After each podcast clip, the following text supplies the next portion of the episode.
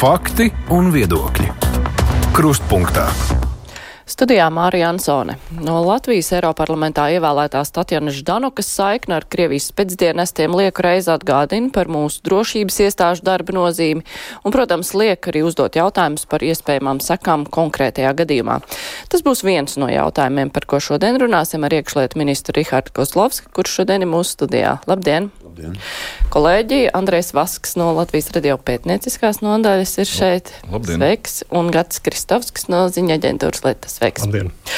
Klausītāji savus jautājumus var sūtīt vai nu sūtot ziņu no mūsu mājaslapas, ēterā skanošajam raidījumam, var rakstīt arī uz adresi krustpunktā Latvijas radio.lv un, protams, izmantot WhatsApp mūsu numuru, kas ir 256 0440. Bet es jau pieminēju Tatjanu Ždanaku.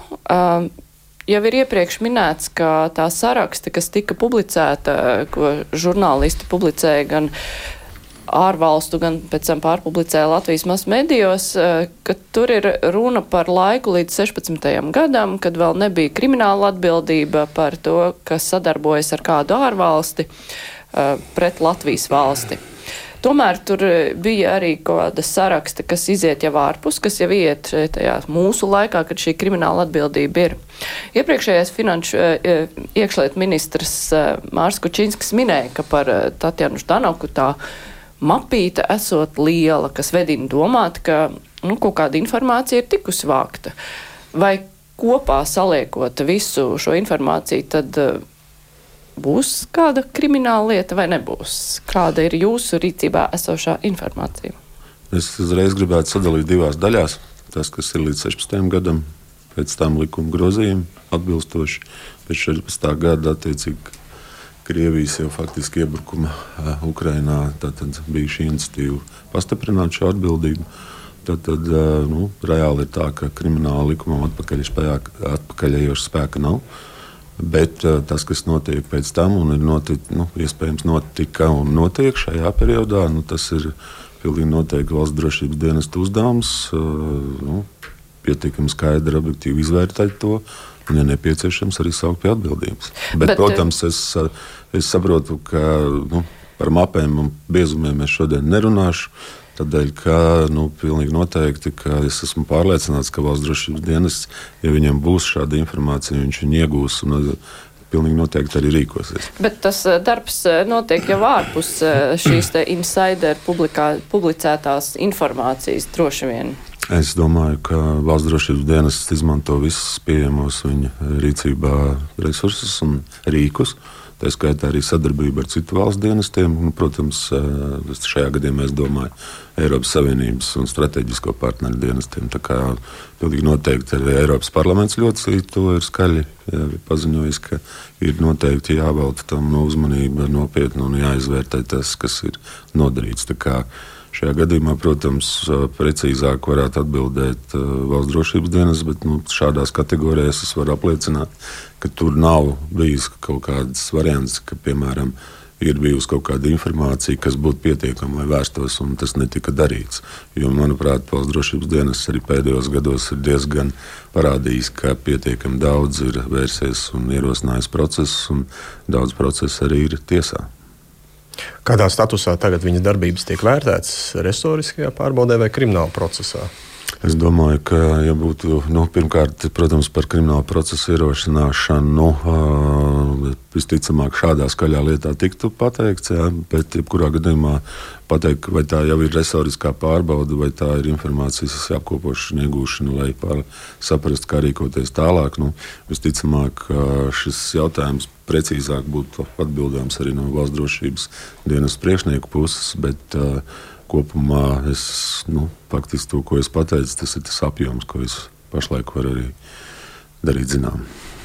Nav jābūt tā, ka daudz plašāk vērtējam šīs Latvijas-Krievijas Savienības eh, darbību, jo nav jau tikai Ždanok, tur arī citi kolorīti personāži ir.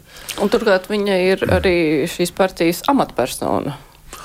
Jā, jā nu, zinot, ņemot vērā arī likuma grozījumus, faktiski viņai liekt iespēja nu, kandidēt, protams, bet joprojām viņa ir šajā organizācijā, politiskajā partijā. Es domāju, ka tas ir arī vērtējums jautājums. Un, uh, pilnīgi noteikti nu, tas ir ne tikai drošības, tieši valsts drošības dienesta, bet arī, domāju, arī citu drošības iestāžu un attiecīgi institūciju kopīgs darbs, lai saprastu, vai ir pietiekami vērsties ar lūgumu izbeigt šīs organizācijas darbību. Katrā ziņā es esmu pārliecināts, ka nu, valsts drošības dienesta vadība ir pilnīgi orientēta uz, tā, uz šo situāciju, hibrīdu kara apstākļos, kuros mēs dzīvojam, un dara visu, lai nu, tiktu galā un darītu visu, lai tiktu galā ar šādiem gan organizācijām, gan individiem, gan arī, arī diemžēl, arī varbūt arī daudz ko vairāk. Un jautājums par drošības dienestu kopumā. Vai viņš jūsuprāt, vai tas jūsuprāt strādā labi? Jo tā, vienmēr, kad mēs viņam kaut ko prasām, tad ir tā, tāda standarta atbilde. Ir, mēs, eh, tas ir mūsu redzeslokā, mēs esam informēti, sekojam līdzi. Nu, viņi arī šajā Danokas gadījumā ir acīm redzot, ir bijuši informēti, sekojuši līdzi, turējuši rokas pulsu, bet tas netraucēja šai personai veikt nu, tādas nepārāk eh, jaukas darbības attiecībā pret mūsu valsts. Vai jūs, prāt, tas ir pareizais pieejams, vai drošības dienas ir izdarījis visu? Es domāju, ka drošības dienas man nav pamata uzskatīt, ka nē. Es domāju, ka šī informācija arī starp dienestiem, visiem drošības iestādēm, starp visām drošības iestādēm tiek vērtēta. Tāpat tās, nu, lai rīkotos tālāk, nākamais solis jau nu, faktiski viens no smagākajiem rīkiem krimināla procesa. Es domāju, ka arī tas, kas varētu dot objektīvu vērtējumu, tā ir prokuratūra, vai ir pietiekami bijis jau skaidrs, ka nē, man arī man kā ministram nav pieejama tā detalizācijas pakāpe, kāda ir dienas rīcībā. Bet, nu, manuprāt, tomēr tās lietas, kas ir aizvirzītas līdz tiesām, nu, tur gan ir bijuši dažādi tiesu lēmumi, varbūt arī nevisai līdz galam citreiz saprotami, bet uh, tās lietas tomēr ir nu, novajātas un prokuratūra ir virzījusi uz tiesu. Es teiktu, ka salīdzinoši pēdējos. Ja nu, tādos, varētu teikt, lielā termiņā, nu, desmit gadu griezumā, nu, tad nu, krietni labāka situācija ir. Jautājums ir par resursu. Nu, faktiski vienmēr drošības dienestiem visiem, es domāju, šajā gadījumā tie resursi tiek nodrošināti. Nu, ja tur trūkst kaut kāda kapacitāte vai kas, tas ir dienestu vadītāju uzdevums vērsties pie politiķiem un akcentēt to, bet līdz šim vismaz man šķiet, ka nav tādi, nav bijuši tādi gadījumi, kad tiek noraidīti kādi pieprasījumi. Vai jūs, jūs bijat ministrs arī līdz 19. gadam, un tie notikumi ir izcinājušies arī šajā jūsu ministrēšanas laikā? Vai no drošības dienesta jūs saņēmāt signālu, ka šī persona uh, var nodarīt kaitējumu, un kad jābūt piesardzīgiem un jādod kaut kādi signāli, arī varbūt politiskā līmenī? Es domāju, ka nu, par riskiem, kādi ir, un par tām personām, kuras ar savu darbību rada riskus. Iekšlietu ministrs saņem, kā arī ne tikai iekšlietu ministrs šādas informācijas no dienestiem savukārt jau par tādu uh, nu, rīcību, uh, ja vajag kādu atbalstu, tas, manuprāt, man kā iekšlietu ministram ir tikai tāds, kā bija šie grozījumi 16. gadā, kad arī viņi varbūt netik raiti arī virzījās. Tas ir mans pienākums nodrošināt, ja drošības iestādes inicē, un viņi redz, ka ir kāds uh, iztrūkums normatīvā bāzē, kas ir jālabo. Nu, vienmēr mēs esam rīkojušies aktīvi un neesam kavējuši vai iebilduši pret to. Kā, nu, Jā, ja es varu tā atbildēt. Bet, nē, nu, precīzi, vai tad, ja, ja jau viņi tagad dienas saka, tas ir bijis mūsu redzeslokā, un mēs tur visu zinājām, Un, eh, nu, tā ir informācija, kas parasti tiek eh, padota arī uz politisko līmeni. Cik es saprotu, ir kaut kāds pat īpašs likums, ka par tādiem ļoti nu jā, sāpīgiem momentiem ir jāziņo.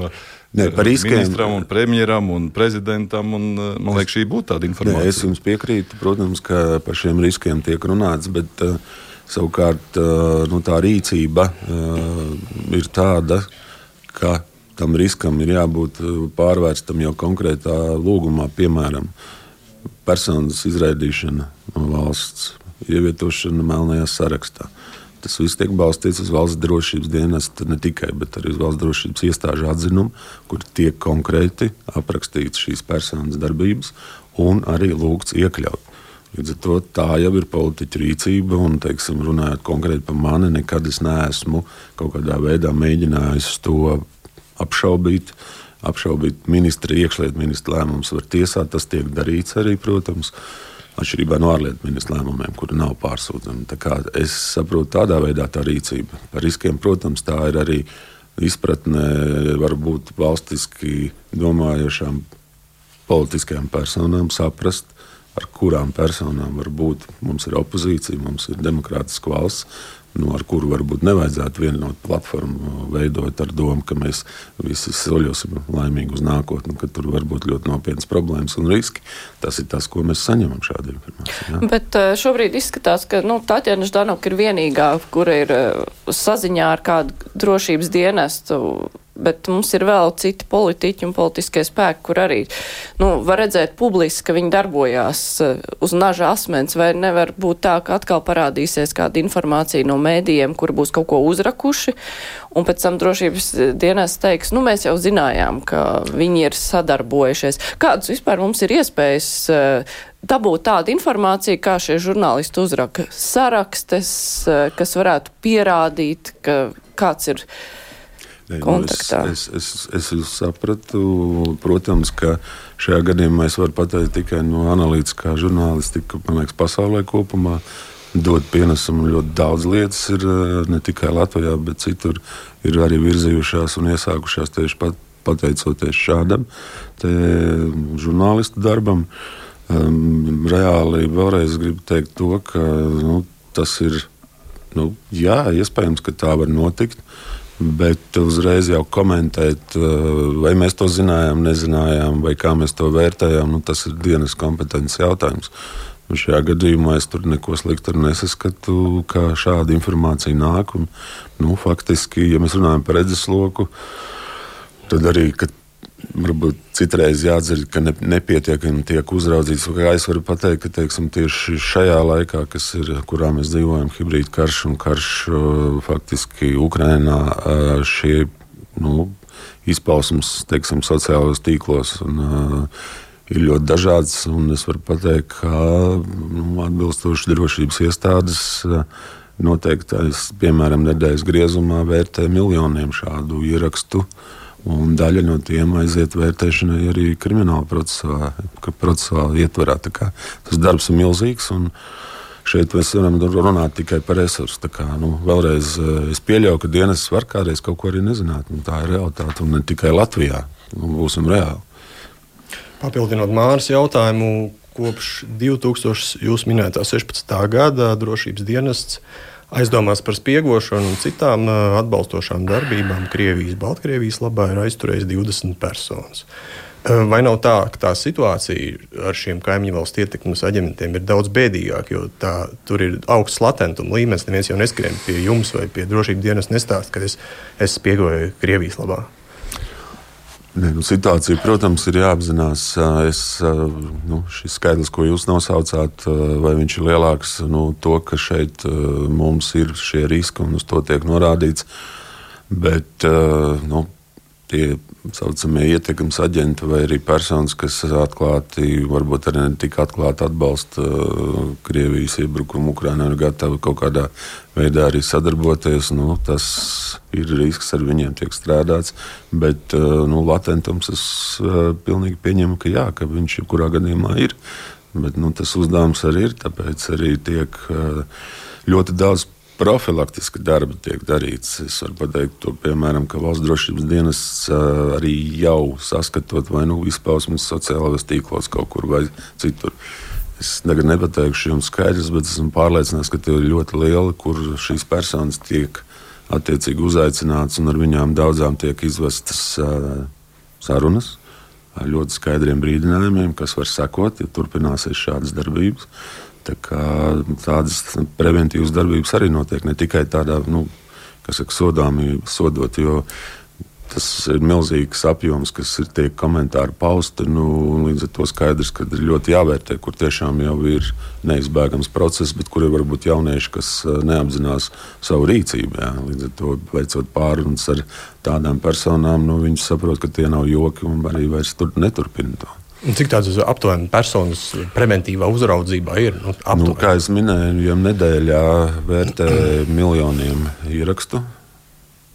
Tad, eh, nu, tad, tad eh, līdz procesa slānis tagad nepateikšu precīzi, cik nonāk, bet eh, tad, tad tie komentāri tiek vērtēti.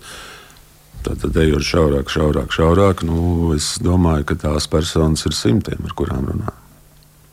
Mums klausītājs ir uzrakstījis jautājumu, vai pēc 15. februāra policija reaģēs uz ziņojumiem par automašīnām ar Krievu numuriem vai atrunāsies un neko nedarīs. Es varbūt pārfrazēšu, vai nu, nākamnedēļ, kad uh, vairs nevarēs pa Latvijas ceļiem uh, braukt mašīnas ar Krievijas numuriem, jo vien nav tranzītā. Nu, vai policija veiks kaut kādus, nu, nezinu, īpašas darbības, īpašu meklēšanu šādu transporta līdzekļu, pievēršot uzmanību tam. Un kas notiks ar tām mašīnām, kuras varbūt atrodas kaut kādās privātās teritorijās, kur varētu pašvaldības policija zināt droši vien? Tad 15. februārī jābeidzās šis pārējais periods, un uh, pilnīgi noteikti, ka policija rīkosies. Ja transporta līdzekļu vadītājiem nebūs uh, pierādījumu, tas, ka viņš tranzītā dodas cauri Latvijai, kas ir jāreģistrē CSDD. Proti, ka viņš neuzturēsies ilgāk kā 24 stundas caur CSDD. Tā tad, attiecīgi, ja šī mašīna tiks uh, izņemta, tas ir konfiscēta, tas ir pilnīgi noteikti. Uh, vai mēs, vai mēs, vai policija faktiski nu, tādu speciālu masveida operāciju Eh, lai, protams, nerīkos, bet visas mašīnas, kas būs, arī izmantojot arī iedzīvotāju informāciju, kur viņi varētu sniegt, redzot šīs mašīnas. Tātad tur ir daži izņēmumi, kas ir saistīti ar faktiski diplomātsko misiju nodrošināšanu. Tur ir saistībā ar starptautiskām konvencijām pāris iz, izņēmumi, bet arī tie, protams, ir pierādāmi viņus apturot un pārbaudot. Tā kā šajā gadījumā pilnīgi noteikti par pāri robežai šāds transporta līdzekļi netiks. Jautājums ir par Schengen zonu, protams. Jā, līdz ar to jā, nu, policija rīkosies saskaņā ar likumu. Cik, opera cik operatīvi policija var noreaģēt, ja kāds noziņo pa jūrmālas šosei brauc tādu un tādu mašīnu, jo tā ikdienā braukājot ārkārtīgi reti var satikt policijas automašīnu. Tas nozīmē, ka. Nu, no jūrmālas viņam nav kur likties.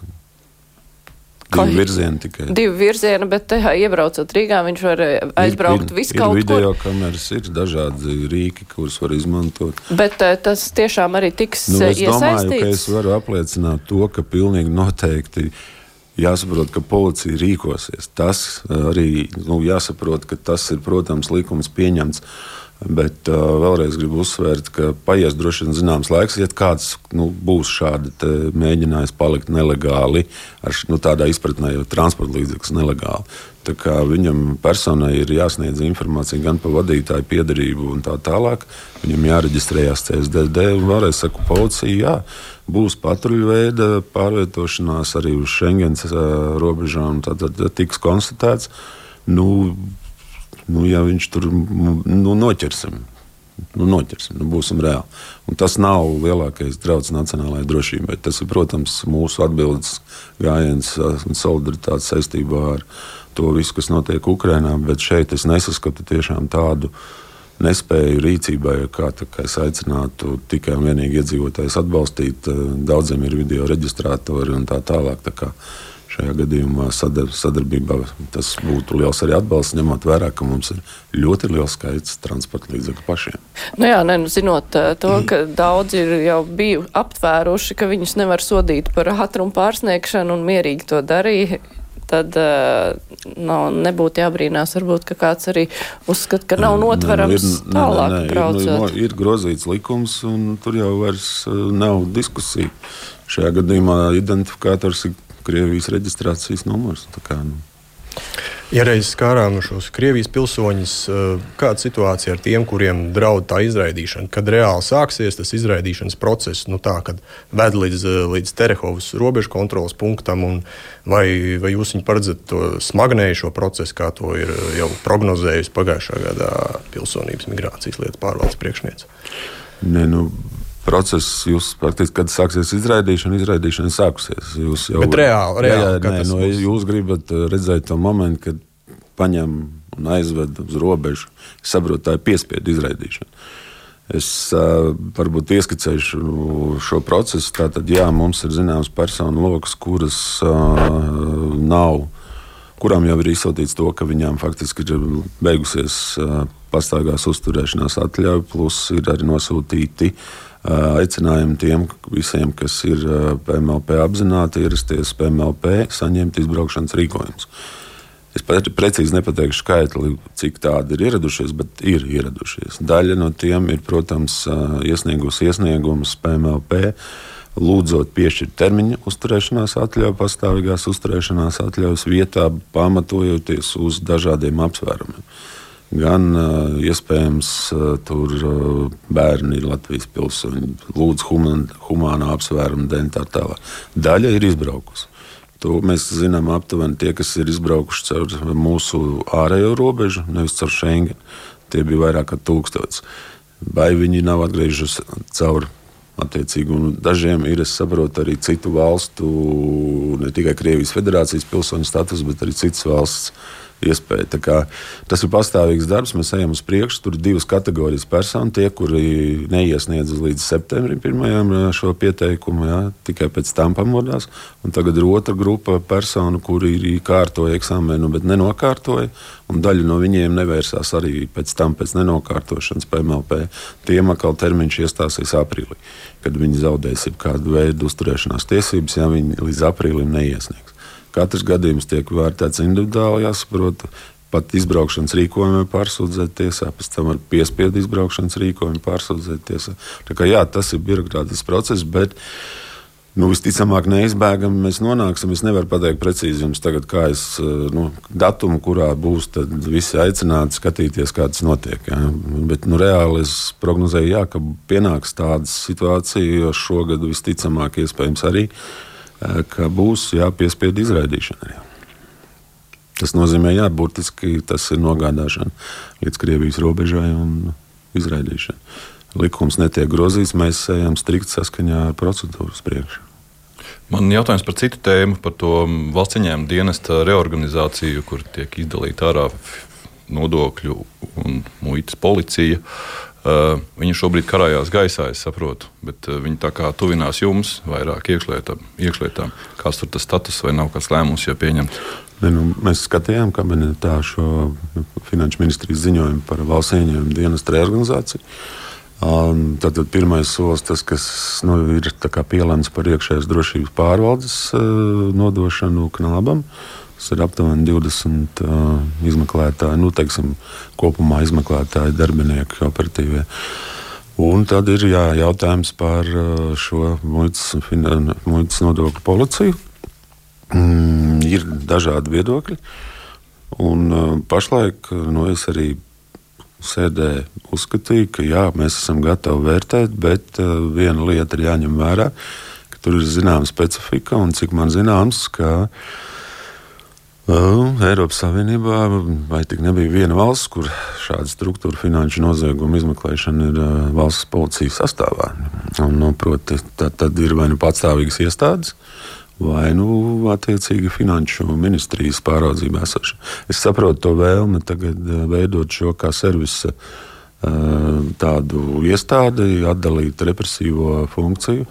Bet nu, mēs vienojāmies, ka, jā, ka mēs sēžamies kopā un vērtējam, kādas varētu iztīties. Taču tāda lēmuma jau konkrēti, ka tas jau ir nolēmts, ka viņi kļūst par valsts policijas struktūru vienību, nav. Jo tur ir virkne daudz jautājumu saistībā ar gan tām pašām izdienas pensijām, vispārējām. Tas, kas man šķiet, kas nebija līdz šim pareizi, es esmu diezgan pārsteigts, ka to, ka finanšu jomā esoša pāraudzība ministrijas struktūra, kas faktiski cīnās ar to pašu nu, nodokļu nemaksāšanu, dažādiem finanšu noziegumiem, izvairīšanos, nu, ir tādā nu, teiksim, ļoti zemā līmenī saistībā ar atlīdzību nodrošinājumu. Tas gan, manuprāt, tā. Nu, Nu tā, tur runa tomēr ir vairāk kā par 300 cilvēkiem. Tā, tas nav tāds ap, darām tā. Jā. Es zinu, ka uh, Tirzniecības rūpniecības kamera darba devēja jau uzskata, ka tam ir jānotiek. Bet jāsaprot to, ka tur arī ir nianses daudzas, jo tā pāriešana nav tik vienkārša. Tad tur, mēs tagad ieejam faktiski manivālu vērtēšanas prosmā. Un otrs, ja darbiniekiem, kuriem nu, ikdienā, nu, manuprāt, netrūkst un nevarētu trūkt darba izaicinājumu, pasaka, ka, ziniet, mēs divus gadus vērtēsim, kā jūs nonāksiet tur. Manā skatījumā jāvērtē, kā padarīt šīs struktūras darbu efektīvāku. Proti, tas ir tas mērķis, ne jau tagad tur vai šur. Un tas ir tas, kas cilvēkiem jāsaprot, ka beigās nebūs tā, ka viņu kaut kur atdos. Nu, es tā primitīvi varbūt, jo, bet reāli izdarīs tā, ka tas darbs būs gan atbilstoši novērtēts, gan arī būs nu, loģisks struktūras novērtēts. Mēs iesim, nu, mēs esam gatavi to darīt, bet nu, tiešām tam jābūt izsvērtam lēmumam, kāds būs iegūms. Tas, ka mēs kaut ko visu saliksim vienā vietā, mm, nu, nezinu. Jūs jau minējāt atlīdzību. Tad, tad trīs gadu laikā jūs pārstāvētās valdības mērķis ir nu, būtiski palielināt šo atlīdzību dienestos strādājušiem. Ar to būs gan, lai novērstu personāla krīzi, ņemot vērā visādas demogrāfijas rādītājus un kopumā jauniešu interesi par uh, dienestu. Jo es skatos, ka arī, ja nemaldos, profesionālā dienestā armijā arī tur nav tā, ka tagad uh, ļoti cilvēki. Loterija. Nu, jā, nu, ka jums nesanāk ar kādu loteriju. Nu, jā, nu, droši vien, ka mēs glābējus piespiedu kārtā nerekrutēsim. Tas būtu izaicinājums tomēr, uh, lai viņš. Bet, ja nopietni, tad. Uh, Jā, mēs, tas ir mans redzējums, un arī es esmu runājis gan ar premjeru, gan ar finanšu ministru. Katrā ziņā šī ir prioritāte valdībai uz nākamo trīs gadu termiņu. Ja mēs to izdarām, kā mēs to redzam, un kā es esmu pieteicis to secību, tad jā, nu, trīs gadu griezumā mēs izlīdzinamies pilnībā ar aizsardzības spēkiem. Proti, tā ir fotografija, kas pēc trīs gadiem būtu šodienas bilde, ka mēs pateiktu, mēs esam pilnīgi vienādi. Eh, par personālu runājot, jā, man nedaudz, eh, nu, nevis nedaudz, tā es nevaru teikt, man uztrauc tiešām eh, šī situācija, un jūs pareizi iezīmējāt, tur man nav analītikas apakšā, pat pie ļoti labiem nosacījumiem, ja, piemēram, viņi ir armijā, mēs zinām, mums vajag, mēs plānojam palielināt arī profesionālo armiju, mums vajag tur, tur, tur, vai vispār demokrātiskā situācija to pieļauj nu, respektīvi, ir analītika apakšā. Bet jā, nu, mums ir jācīnās par katru darbinieku. Nu, laikam pozitīvi es varu atzīmēt to, ka pašlaik rādītāji pa pagājušo gadu rāda, ka mums ir par 29 ugunsdzēsējiem glābējiem vairāk nekā ir aizgājuši. Tālāk, attiecīgi, jau no tiem, ko valdība piešķīra 105 štatu vietām papildus to finansējumu, janvārī ir pieņemti 11 jau papildus. Uh, runājot par policiju, visbēdīgākā situācija jāatzīst, joprojām standartā vairāk kā 200 mīnusā.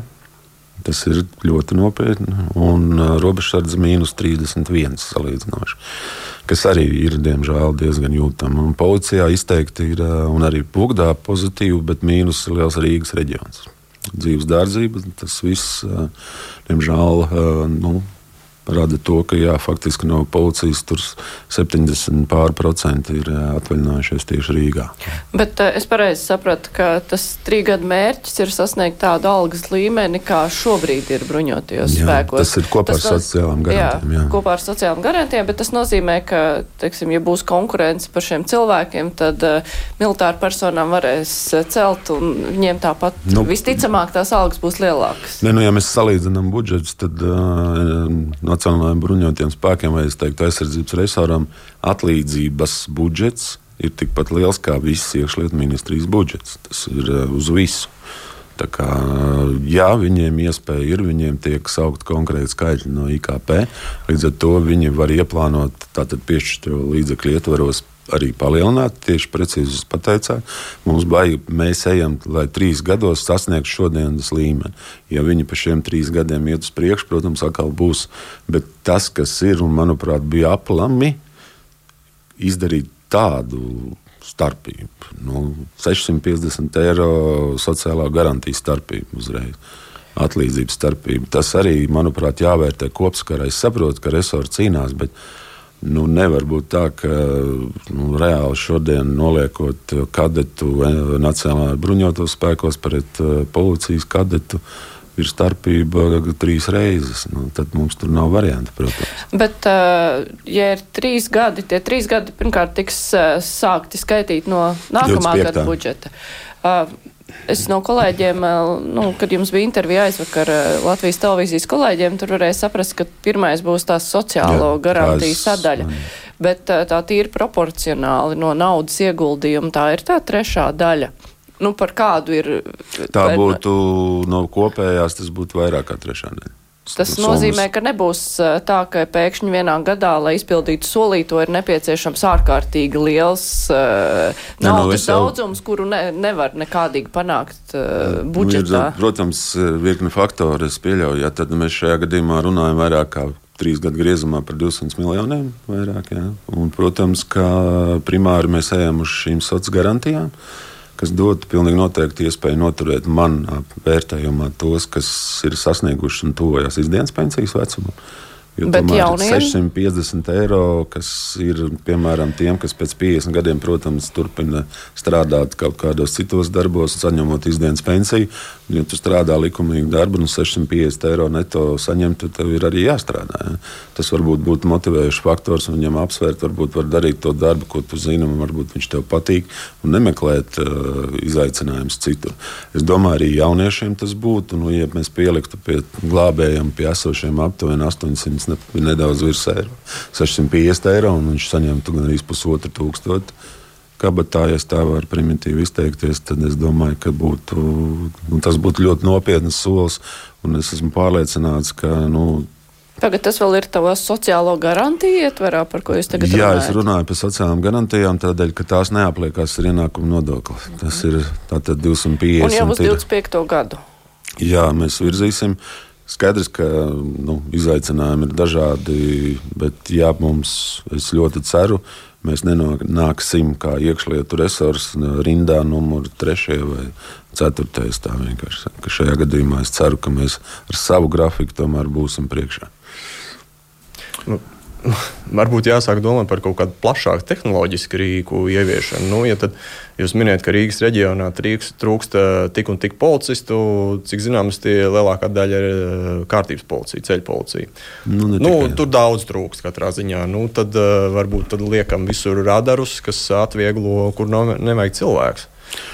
Nu, pirmkārt, mēs ļoti nopietni strādājam pie mākslīgās intelekta. Tagad populārs. Mākslīgo intelektu mēs varētu atsevišķu diskusiju uztaisīt arī no tā labuma un ļaunuma, ko mākslīgais intelekts dara. Bet runājot par jūsu pie, pieteikto, jā, mēs arī ļoti nopietni strādājam arī izvietojot šos vidējā posmu fiksēšanas radarus sadarbībā attiecīgi ar Latvijas valsts ceļiem arī. Un, es domāju, ka laika gaitā mēs panāksim to, ka nevarēs bremzēt pie viena radara un atkal gāzes grīdā braukt tālāk. Bet, protams, situācija, ja mēs runājam par Rīgu, Tad es teiktu, jā, tā problemātika ir tāda uz reaģēšanu, uz arī kārtības policijas sadarījumu, operatīviem darbiniekiem. Nu, es, tie, tas jau tiek mēģināts, protams, cik nu var kaut kādu jaunākos tehnoloģiskos sasniegumus ieviest, bet uh, jebkurā gadījumā. Nu, krimināla procesa kādam ir jāizmeklē, un viņu nav maz. Rīgā viņu ir daudz, nu, faktiski pusi no visiem, kas notiek Latvijā. Tāpēc bez cilvēkiem mēs nevarēsim. Un es teiktu, arī es uzskatu, ka mums ir ļoti nopietni jādomā un jāattīsta uh, tāda kārtības policijas sadaļa, ko es sauktu par tādām speciālām uzdevumiem, piemērotām vienībām jo tas ir kontekstā ar to ģeopolitisko situāciju, kurā mēs esam. Visu cieņu mūsu daļiem un dzimumam.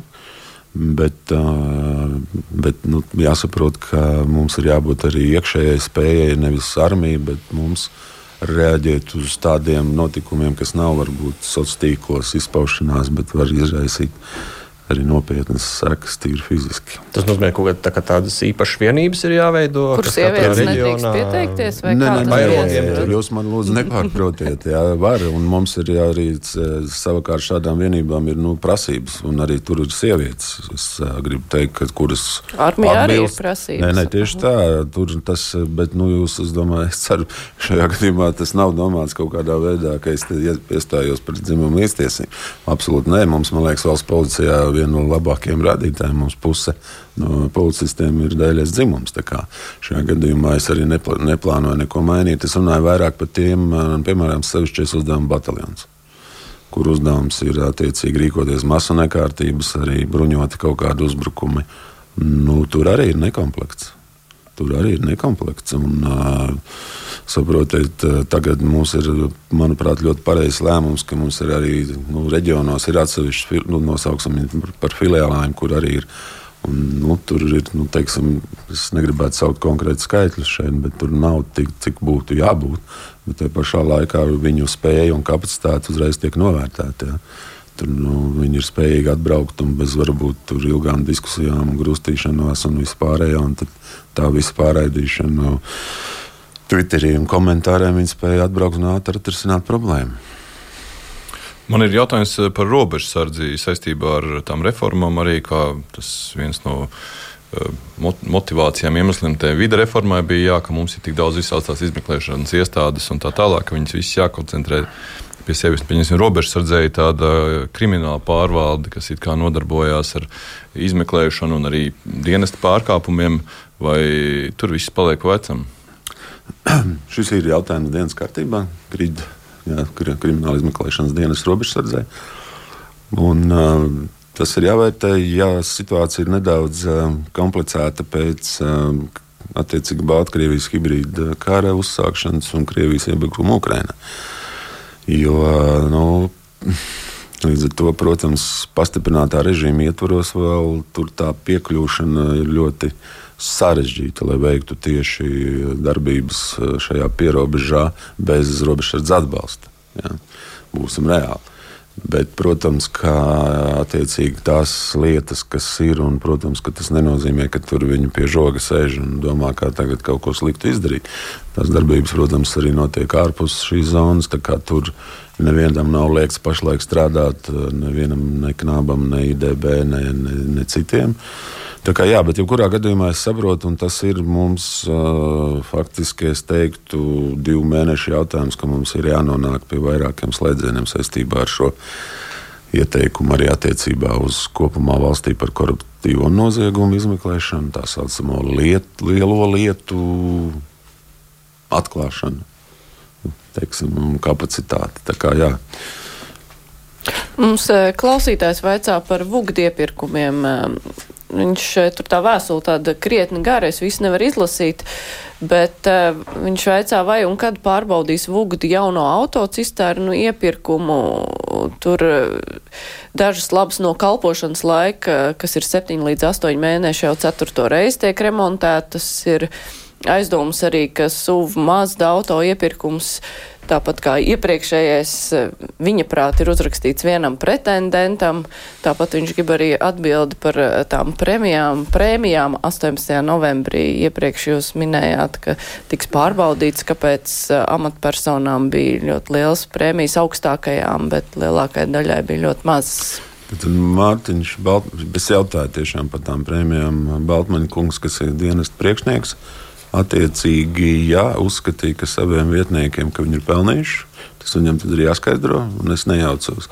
Savukārt, Baltmaņa kungs man teica, ka attiecīgi jau par reģioniem nu, prēmija izmaksāšana tika nodota reģionu līmenī, proti, ka faktiski depo vai iecirkņu priekšnieks lēma, kam un kā un cik dot un kādu prēmiju uh, kam varbūt arī nepiešķirt. Līdz ar to šajā gadījumā es gribu pateikt, ka Baltmaņa kungs pat nepar, saprotu, vispār nepiedalījās kaut kādā sadalē, kas attiecās jau uz pārējo glābšanas dienestu.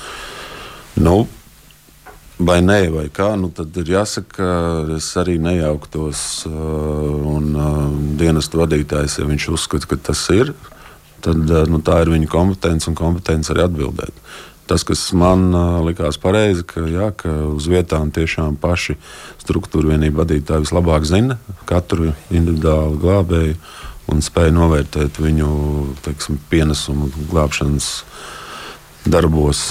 Kā, runājot par auto iepirkumiem, tad par cisternu iepirkumiem būtu tad, to es tā Tas ir jautājums, ja tās ir jaunas mašīnas, tām ir garantija. Nu, katrā ziņā es uh, neesmu saņēmis informāciju, ka mums ir līdzīga situācija kā ar vilcieniem, kuri nebrauc un pieļauj. Kopumā jau kaut kā tiek vērtēts, nu, teiksim, cik tie iepirkumi ir vispār efektīvi un liederīgi, jo tas nav, tās nav pirmās sūdzības, kas ir pienākušas. Šeit, šeit ir minēts, ka ir nu, kaut kas lūst labi, tur garantija var remontēt, bet uh, sūdzības par mašīnām, kuras ir pārāk mazas, lai tur ietilptu ugunsdzēsē, viņas vienkārši ļoti neērtas ir, nav piemērotas, laikam, mūsu reģiona cilvēku Es aicinātu, izmēram. Aicinātu kādas- uzrakstīt man konkrēti par kuru gadījumu, jo es to, ko es varu pateikt par vienu iepirkumu, kurš tika atcelts, tas bija tā, bija izskanējis par to džipu iepirkumu. Jā, tad, tad, uh, Vai tas tur runa par, atcelts. par mašīnām, Bet, ja runa ir par, ja par, iet, jā, par glābšanas dienas mašīnām, ja tur ir konkrēti informācija, ka vienam cilvēkam, vienam pretendentam rakstīts, nu, tad tas ļoti interesanti. Tādēļ, ka uh, ir pirms iepirkuma ir UB atzinums, un arī pēc pretendenta uh, jau, kā saka, atzīšanas atkal ir UB atzinums jā, par visām tehniskām specifikācijām. Nu, tas nav tik vienkārši. Un es katrā ziņā nu, nepiedalos tehnisko specifikāciju ne sagatavošanā, ne vērtēšanā. Bet, ja man uzrakstītu cilvēks, es varu apliecināt to, ka mēs ļoti rūpīgi izvērtēsim šo informāciju. Es pieprasītu, bet tieši par cisternu iepirkumiem. Nu, līdz šim es šo tiešām atklāti saku, piecu mēnešu laikā es to dzirdu pirmo reizi. Tad klausītājiem vienkārši vērsties eh, pie jūsu birojā ar Jā, faktiem. un- noteikti. Mēs pilnīgi noteikti, nu, tas ir manā jau kompetencē saņemt uh, argumentētu atbildi uz visiem jautājumiem. Un arī tad mēs uh, konkrēto personu arī, protams, šī atbildi nosūtīsim arī viņai. Pēc mēneša Krievijā paredzēts prezidenta vēlēšanas neapšaubām, ka arī um, Krievija vēlēsies tās sarīkot Latvijā, no savas vēstniecības teritorijā. Jūs, kā par uh, iekšējo drošību atbildīgais ministrs, uzskatāt, ka tas uh, nevar ietekmēt uh, mūsu valsts iekšējo drošību? Viņus, respektīvi, viņus vajadzētu atļaut vai nē? Tas gan vairāk, protams, ārlietu ministrijas jautājums. Bet, nu, Es domāju, ka tas varētu būt burtiski nedēļas griezumā. Lēmumam jābūt par to, ko, kā mēs rīkosimies. nu, kā jūs uzstāsiet? Ko jūs teiksiet? Es pašlaik eh, nu, nē, nu skaidrs, ka jebkuri eh, nu, teiksim, pasākumi, kas būtu jāveic, eh, nu, būs riski, jebkurā gadījumā būs.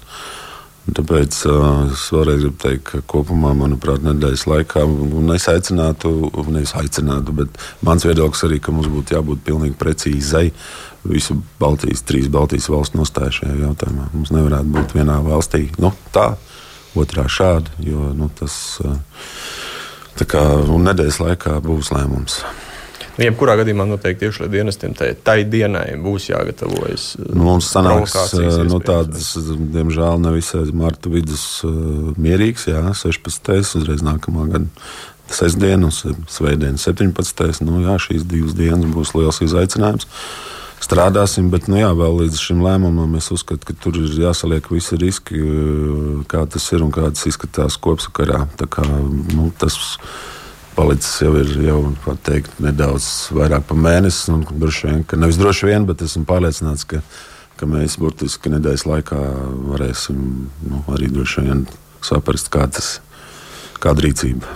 Bet uh, ir kaut kādas indikācijas, ka uz to marta vidu, kad, kā jūs jau minējāt, tas jau nav tikai tās uh, vēlēšanas Krievijā, bet uh, ir arī 16. marts, kas parasti arī ir diena, kad kāds mēģina rīkot provokācijas, vai šādu provokāciju iespējamība ir liela, vai Es domāju, ka šādi, nu, ne tikai es negribētu pat pie, piesaistīt varbūt kādam konkrētam datumam, bet es domāju, ka uh, provokācija iespējamība pieaug uh, no dienas uz dienu.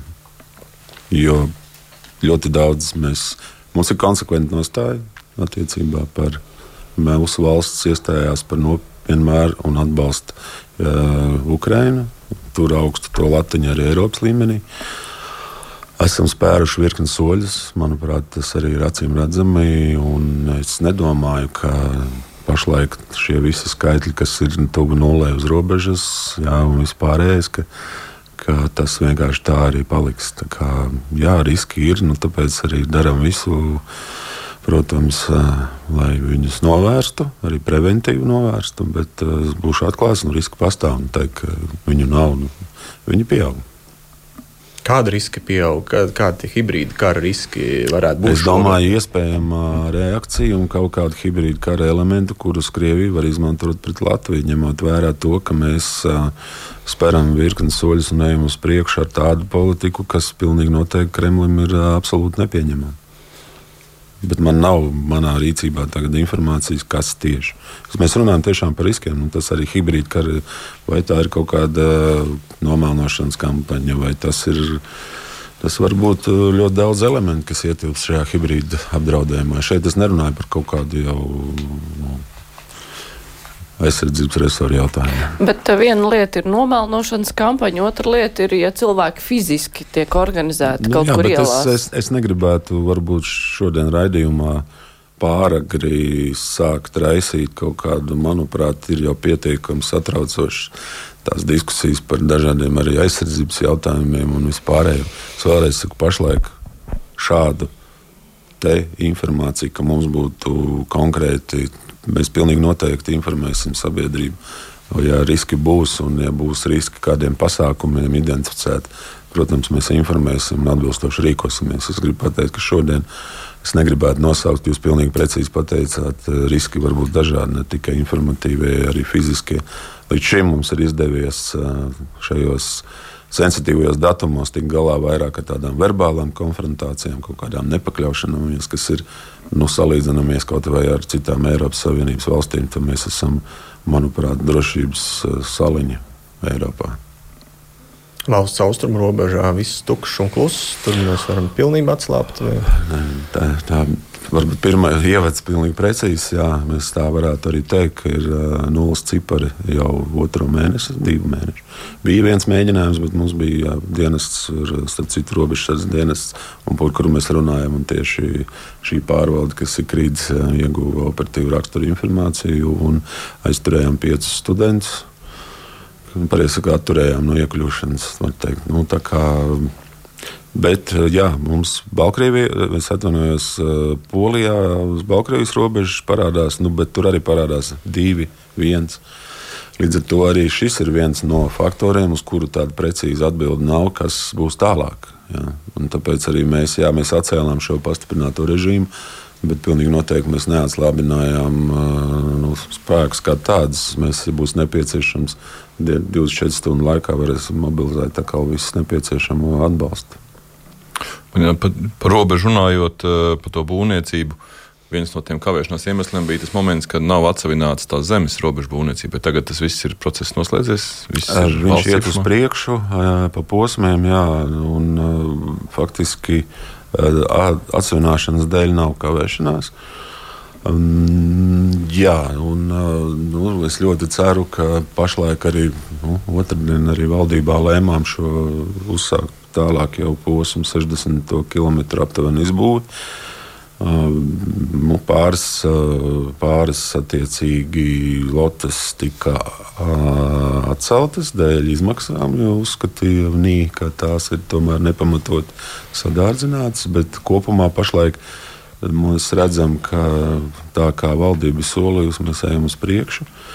Un, nu, nav tāda pašlaik indikācija, ka varētu būt kaut kas, kas mums ļoti aizkavētu. Bet tās zemes joprojām nav atsevinātas. Jā. Tas ir procesā, bet jāsaprot, ka tas, nu, vēlreiz saku, mums ir sadalīta kompetence. Tad pareizi, kad atvainojas NVA, nodarbojās ar šo, ar atmežošanu, nodarbojās valsts uh, meži, ja tā var teikt. Un, nu, es neesmu dzirdējis nevienā brīdī, ka teiksim, mēs nevaram iet uz priekšu, ka tur kāds strīds ar īpašnieku būvniecības skar ne tikai robežu, bet arī patvērtnes. Nu, pēdējā laikā šis jautājums ir diezgan locīts. Cik tālu tur tas process ir ņemot vērā, ka nu, nekustamā īpašuma attīstītāji būvnieki noteikti būs pret šo prasību, ka ir jābūvē daudz dzīvokļu mājās, patvērtnes, nu, plus vēl padomu bloku mājās, ierīkot šos pagrabus. Tam visam nu, vajadzēs būtisku finansējumu.